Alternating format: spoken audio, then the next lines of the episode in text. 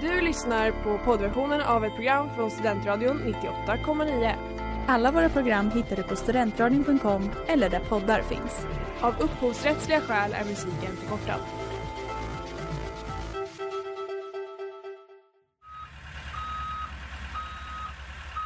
Smeds, Cross och Entreprenad är en stolt sponsor av alla sändningar och program här på Studentradion 98,9.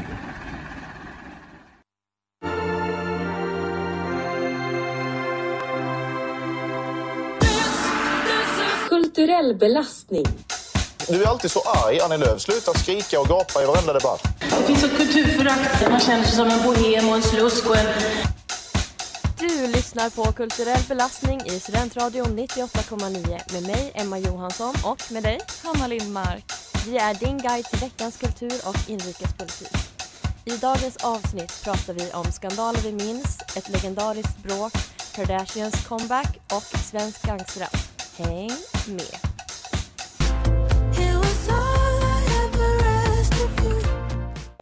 All I ever asked med Rachel Shinoriri. Du lyssnar på Kulturell belastning med mig, Hanna, och med dig. Emma. Ja, och eh, veckans avsnitt är en förinspelning. Det är ju påsk nu.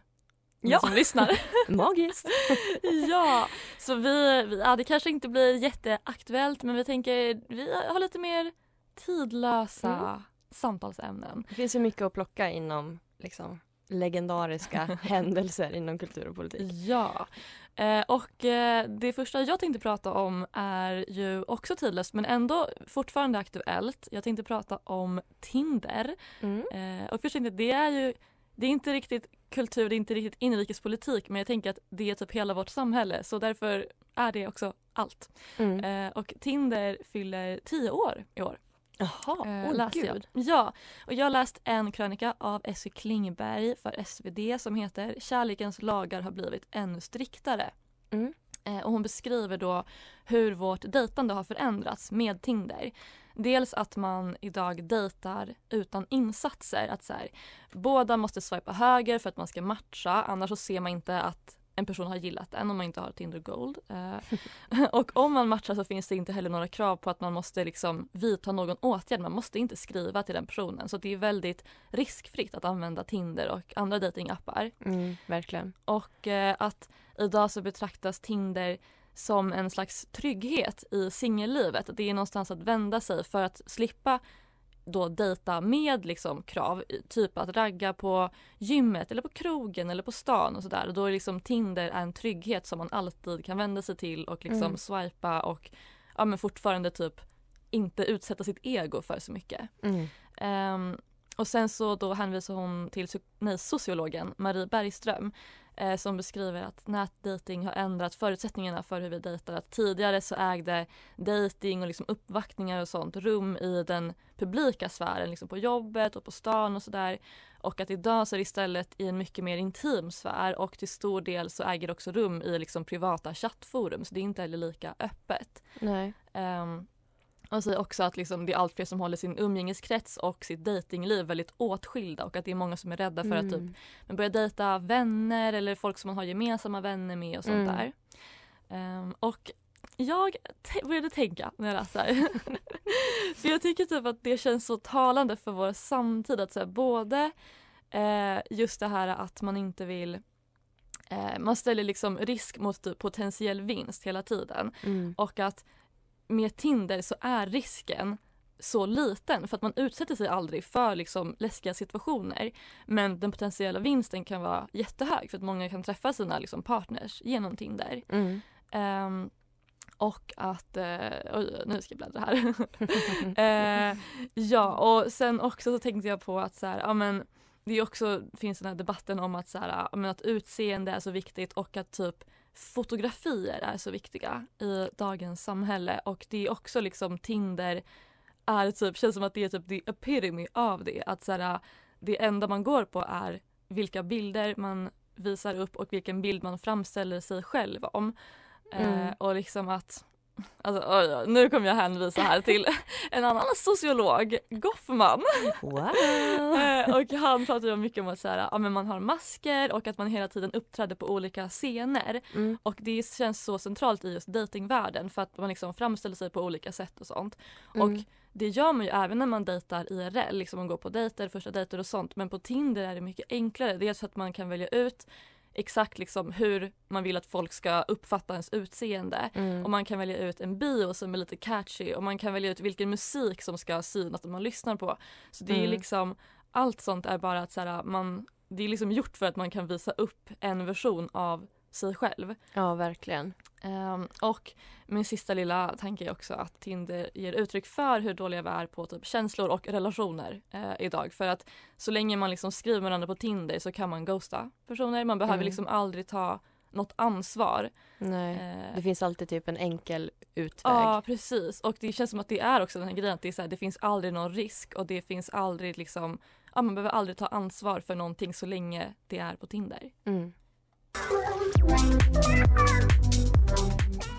Det där var My Heart med Duskus. Du lyssnar på Kulturell belastning i Studentradion 98,9 och nu ska vi köra Riksdagen eller reality.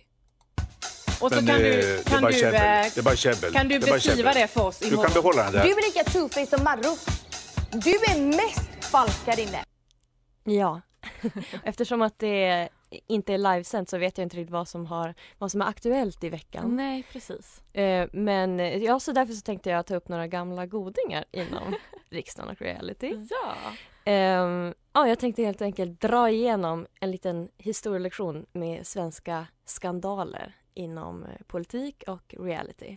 Gud vad spännande. Eh, så jag tänker att vi bara börjar med den första. Aj, Ja, förlåt för det. Eh, vinnaren av Big Brother 2020, kanske Ja. ni minns. Eh, Sami Jakobsson Ja. han. Eh, fick hjälp av eh, Big Brother-produktionen att innan inspelningen täcka över en tatuering med nazimotiv helt enkelt. Eh, det blev en stor skandal som ni Ja. kanske minns i Mm. media. Det var ju verkligen en, den beskrivs som en väldigt så ex, alltså extrem höger eh, motiv. ja. Eh, sen vann han. så att Perfekt. ja, den nivån ligger liksom svensk reality på 2020. Ja. ja, underbart. Okej, vi går vidare till nästa. Ja.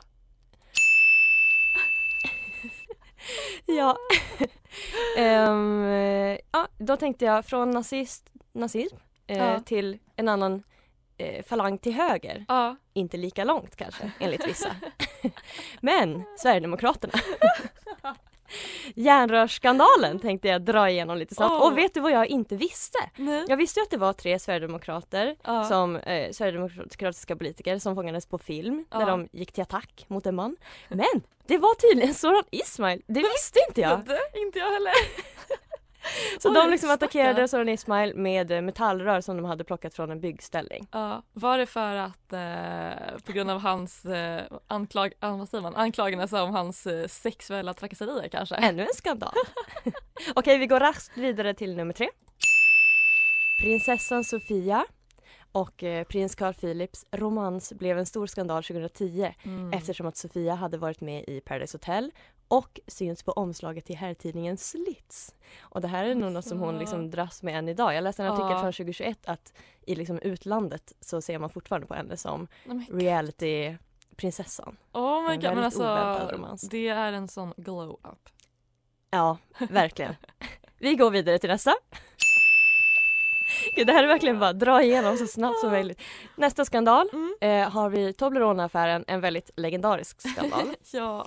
Det handlar ju om att Mona Sahlin, eh, S-politikern, köpte privata varor med sitt tjänstekontokort för fra- 53 000 lite drygt, enligt Wikipedia. Mm. Eh, men det som hon blev ihågkommen för var alltså att hon köpte två Toblerone.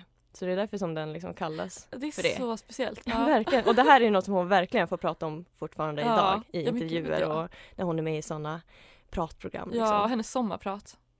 Stackars henne. Toblerone. Ja. Och även eh, Juholt, eh, Håkan Juholt gjorde ju en liknande grej. Att han har misstag liksom ja.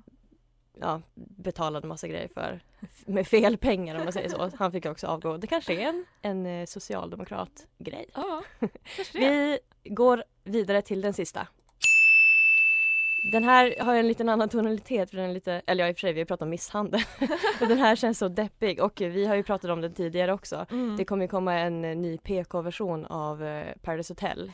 Och det beror ju på den stora skandalen eh, om att de, den produktionen har tystat ner flertalet sexuella ofredanden. ja. Och de sände väl också i princip ett våldtäktsförsök Ja. på tv och sen tog de ner det. Ja precis, En produktion som kanske inte, eh, ja men de skulle behöva kanske facket. Kan Ja. man säga. verkligen. Och det var min lilla historielektion med skandaler inom politik och eh, reality. Det tackar vi för.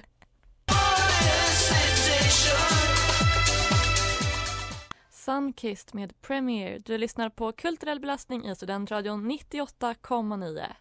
All I do is gaslight, girl boss, gatekeep. All you do is co-star TikTok.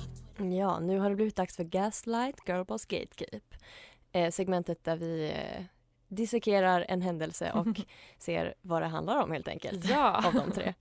Och jag tänkte, ja men vi har ju lite så tillbakablicksavsnitt idag. Mm. Så jag tänkte prata om ett väldigt, för mig, legendariskt språk. Mm. Lyssnade du på Della Q? Ja, det gjorde jag. Jag älskade den Vad var podden. det för typ av podd? Vad kan man säga att det var? Alltså, men mycket satir Mm. eh, och liksom, de fick ju ganska mycket typ kritik för att de var elaka. Mm. Eh, men jag skulle säga att eh, det var en väldigt feministisk podd, alltså egentligen. Ja, De fick ju typ kritik för att de var så low-key kvinnohatare men jag skulle Mm. säga att de var väl egentligen det var ju också feminister. ironiska. Ja, precis. Ja. ja, den podden bestod av Moa Wallin som idag är politisk satiriker, Mm. mycket på P3. Anna Björklund som är, hon har just lanserat en bok som författare får man säga, skribent och Mm. bara kulturpersonlighet liksom. Eh, och Bianca Meijer som är komiker från början. Mm. Eh, och det här bråket då, det började med att Bianca hoppade av podden mm. efter en intervention från Moa och Anna. Eh, det finns nog fortfarande ute att lyssna på. Ja. De sänder ju den interventionen. Ja. Som man gör. Jajamän. och Moa och Anna fortsatte då eh, att ha den här podden mm. till en dag eh, den 12 april 2020 när Anna plötsligt la ut tre inlägg på sin Instagram. Och jag minns, jag följde det här i realtid. Jag var såhär, oh. när kommer nästa? För det står ju såhär, ett av 3, 2 av tre. Tre av tre. Att jag var så här, ah, det var så spännande. Mm. Ehm, så hon började med i det första inlägget att berätta lite om, eh, ja men det kommer inget Della Q på måndag skrev hon. Mm.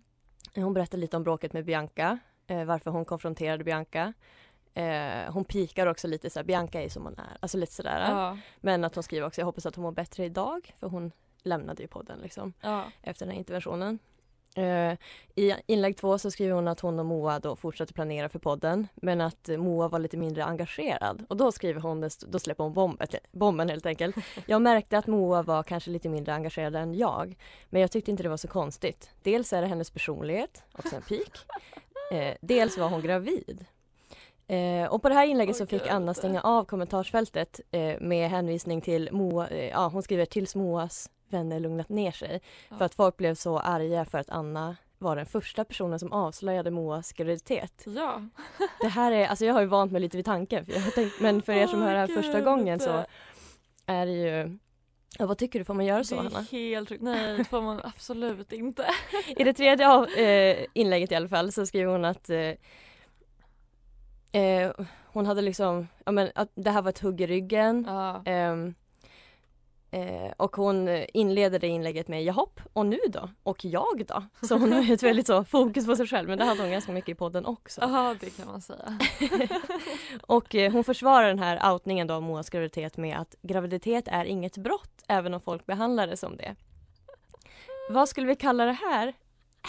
Eh, ja, men jag skulle säga att det är en liksom regelrätt gaslighting. Den mest, alltså den mest legendariska gaslightingen vi har. Det är också så speciellt take att, att se Ja. det på det sättet. Ja. Och sen vet inte jag hur det bråket, alltså Moa kanske var hemsk liksom. Aning. Det är också väldigt kul att ja, men de är så, de är verkligen stor, stora förebilder för mig inom kvin- kvinnlig vänskap. Det är så fint att deras podd slutar på ett så fint sätt.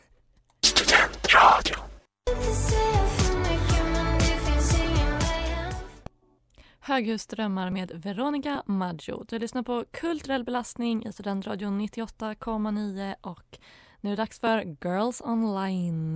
But first, let me take a selfie. Jajamän. Um, jag, tycker, jag tänker att det här segmentet kan bli ändå lite aktuellt förhoppningsvis. Uh, Mm. För att det som det pratas om väldigt, väldigt, väldigt mycket nu på internet är ju familjen Kardashian. Pratas ju Eh, alltid om dem. Ja, verkligen. De är ju alltså typ de största liksom trendsettersna Mm. i vår tid. Ständigt aktuella. Ja, men nu är de speciellt aktuella för att de den 14 april eh, släpper en ny serie. Mm. Och eh, så här skrev då Metro Mode i februari om det.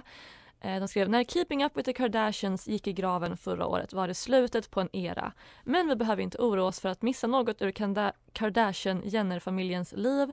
För den 14 april kommer vi nämligen åter få se dem i rutan, då med serien The Kardashians. Eh, Så det är liksom en ny serie eller vad man ska säga. Ja precis, jag tyckte bara att det kändes så, det var verkligen såhär när de gick i graven och nu så här, ett år senare typ, alltså det känns som alla så här artister som är så det här är min sista spelning någonsin och så Ja. gör de det år efter år, typ Håkan Hellström. Och folk som är så här, jag tar en paus från sociala medier Ja. så är de tillbaka så här 19 timmar senare. ja.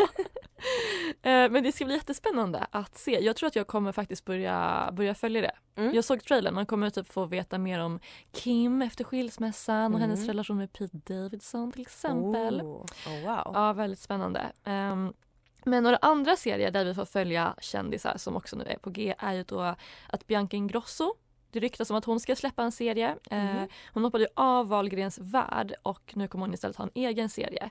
Där man får följa henne på TV4 tror jag. Kan vara TV5. Mm. I'm not sure.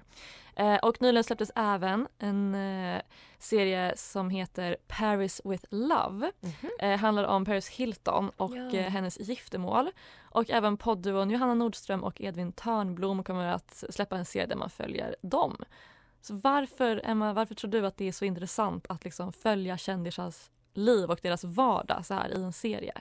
Ja, Har du några tankar? alltså det är, det är verkligen intressant för att jag, jag gillar ju inte det så jättemycket. Nej. Men jag har ju aldrig typ tagit del av så Youtube-kulturen men det hör väl ihop lite med det att så här, Mm. det ungdomar kollar på idag är ju bara att se folk göra vardagssaker liksom. Ja, precis. Så här, nu ska jag gå på Ikea, nu ska jag göra det här. Ja, Och också att eh, folk, alltså man har ju väldigt stor besatthet av kändisar idag. ja Så det enda man vill är att komma innanför deras dörrar och bara få se Mm. hur de lever sitt liv. Ja, och typ att se att så här, de är vanliga människor. De är så här, går upp, äter en sallad, bråkar Mm. med sin mamma, åker till gymmet. Alltså, så här, Mm. Det är ju väldigt, eh, jag vet inte, det kanske är fascinerande eh, på något sätt att de blir som verkliga personer. Ja, verkligen.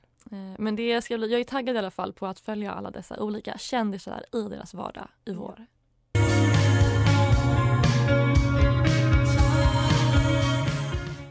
Det där var Subnivian med Lunar Isles. Det här är kulturell belastning i Studentradion 98,9 och vi ska prata om Men när det kommer till den här personen så handlar det faktiskt inte om att skilja verk från person. Ja, verk eller person. Bästa, visst är det Hanif Bali? ja, det är det. Ja. Han pratar säkert om det som vi ska prata om idag. Nämligen eh, ja, gangsterrap. Mm. Vi kommer till det lite längre fram. Men eh, jag, jag tänkte börja med att prata om en bok som jag har lyssnat på. Mm. Som heter Tills alla dör. Den har varit ganska omtalad på sistone. Ja. Av Diamant Salihu. Eh, och den handlar just om konflikten i Järvaområdet. Eh, så här kan man läsa boken. I Järvaområdet nordväst om Stockholm pågår en konflikt mellan gängen Dödspatrullen och Shottaz. De inblandade själva kallar det för ett krig. Och i krig är allt tillåtet. Huvudpersonerna har helt saknat respekt för rättsväsendet, för vuxna, för kriminella hierarkier och för värdet av ett människoliv. Men bortom den spektakulära fasaden av droger, vapen och rapmusik som visas upp på sociala medier hänger frågan obesvarad i luften. Varför mördar ni varandra? Mm. Och i den boken så är det ju en person som säger att, eh, eller journalisten frågar, eller om de frågar ett polisförhör, när tror du att skjutningar kommer upphöra? Mm. Eller hur länge kommer de fortsätta? Och då svarar en av de personerna som är åtalade eh, tills alla dör. Ja, att det liksom är, heter är så. deras lite, ja precis, Ja. att det är deras lite bild av eh, syn på framtiden och sådär. Mm. Ehm, och jag tycker den här boken är väldigt bra. Den har ju fått också väldigt bra kritik liksom. Mm. Eh, för den ger ett brett per- perspektiv. Den ger liksom, mm, ja, men perspektiv från, från många håll på något sätt. Mm. Både föräldrarnas kamp och sorg liksom. Mm. Eh, syskonen för vissa syskon har ju klarat sig jättebra och liksom skillnaderna så. Mm. Eh, och hur barn rekryteras av äldre förstås in i de här gängen. Mm. Eh, att eh, folk kan vara barndomskompisar och sen bli fiender och döda varandra. Alltså det kan vara en granne, det kan vara vem som helst. Eh, och att det handlar mycket om mansnormer och machokultur, utbildning eh, och just, eh, ja, och de följer också personer som vill lyckas med att lämna brottsligheten och sådär. Mm. Och jag pratade med en person från Stockholm eh, som sa att eh, eller jag var såhär, ska du läsa den här boken? Typ? Den är Ja. intressant. Och han sa att han var inte så intresserad av att läsa den här boken för att han inte trodde att den kunde berätta så mycket mer än vad han redan hade fått höra från liksom, vänner som var involverade på något Ja. sätt. Eller mm, som hade med de här miljö- miljöerna att göra. För han var så här, det är så hemska saker, det går liksom inte att skriva en bok. Alltså, Mm, mm. Han trodde liksom inte på att en journalist skulle kunna ge, eh, ja men leverera något om det här. Mm. Så när vi kommer lite till verk eller person så jag tänker att verkligheten är säkert värre än vad boken, Mm. eller än vad, som, vad folk säger till den här journalisten. Ja. Men jag tänker att journalisten kan ge en, ett mer utifrån perspektiv Mm. på konflikten medan om man faktiskt pratar med personerna, men det gör han ju i boken, men om man skulle prata med personerna utan att det är ett journalistiskt Alltså Mm. utan att det är det mellanfiltret på något sätt som gör att kanske folk håller tillbaka. Så kanske man skulle få mer en inifrån blick som är alltså, mera detaljerad typ.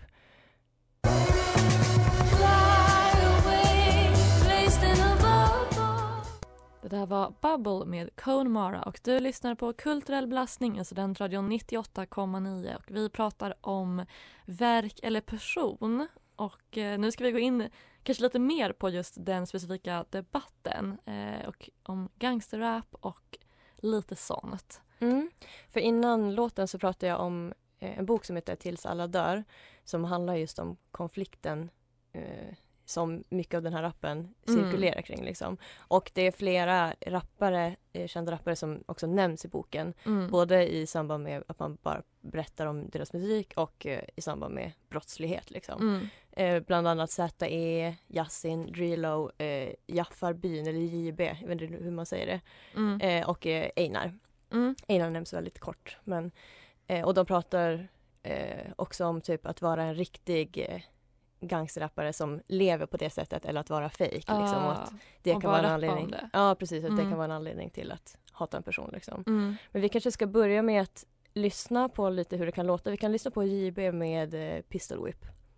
De säger krig det är det värsta som finns Men jag har sett krig så länge jag minns Vi har pris på våra skallar Det är exakt det som liksom boken handlar om också. Mm. Eh, och eh, ja, det har ju varit en debatt liksom om borde man få spela den här musiken i Ja. radio, borde de få vinna priser och sådär. Eh, och det har också kommenterats av de här eh, rapparna, bland annat Yasin eh, i låten Young and Heartless, det kan vi också lyssna på. Jag får skit för mina rader Istället för att hylla mig med priser och pokaler Polisen vet jag är kapabel Han sjunger liksom om att, eh, ja, ja men just om det här med verk eller person. Mm. Mm. Att han får skit för Mm. Det han rappar. Verkligen. Vi kan också lyssna bara för att få höra liksom grovheten. Många har säkert hört den här låten, en legendarisk låt. för sent med Juan Cascrecaso och Jay Gonzales. Kokainet här väcker upp det som en kall dusch Till 24 mannen inte som en nattbuss Fett stark hasch, du kan åka på Halsfluss, alltså kan Ja. Det var ju den här uh, textraden som Malou uh, fasade över i hennes intervju med, Gre- med Greekazo. Ja. Jag kan inte prata. Ja, och nu sitter vi och fasar oss också över. Nej, men eh, ja. Tycker du att man, eh, för vissa jämför det till exempel med högerextrem så här vit maktmusik, Mm, att för mm. det spelas ju till exempel inte i public service. Nej, precis. Eh, att det är en princip de har. Mm. Borde man se på den här musiken på samma sätt liksom? Ah, jag tycker att det är så svårt för att jag kan ändå typ förstå båda sidor. Eh, Mm. Men sen så tror jag ju framförallt att just den här kriminaliteten och våldet och allt sånt som händer. Jag tror inte att det är liksom musiken som är Nej, motorn till nej. det utan jag tror att det är samhälleliga problem som eh, vi som samhälle måste liksom ta tag i. Eh, Mm.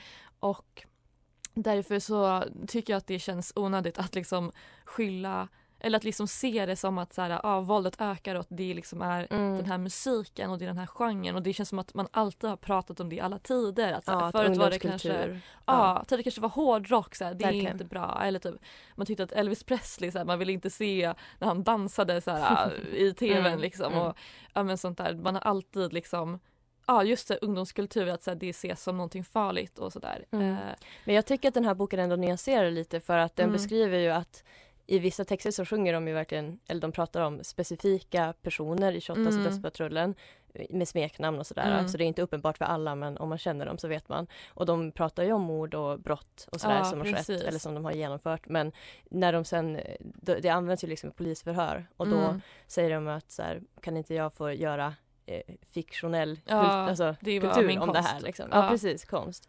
Men eh, samtidigt så används det ju i bevisning i polisutredningar. Eh, utredningar. ja, det är jättesvårt.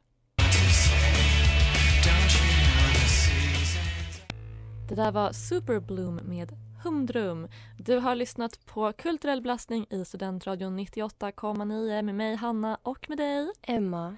Och det är dags att knyta ihop säcken för idag. Ja. Hur mår du efter dagens avsnitt? Nej men eh, jag mår väl eh, bra. Jag ska läsa den här boken som du eh, Ja, tipsade om. gör det. Verkligen. Mm. Eh, hoppas att ni har haft en trevlig stund med oss och eh, glad påsk allihopa. Vi Ja, hörs igen om en vecka. Du har lyssnat på poddversionen av ett program från Studentradion 98,9. Alla våra program hittar du på studentradion.com eller där poddar finns. Och kom ihåg, att lyssna fritt är stort, att lyssna rätt är större.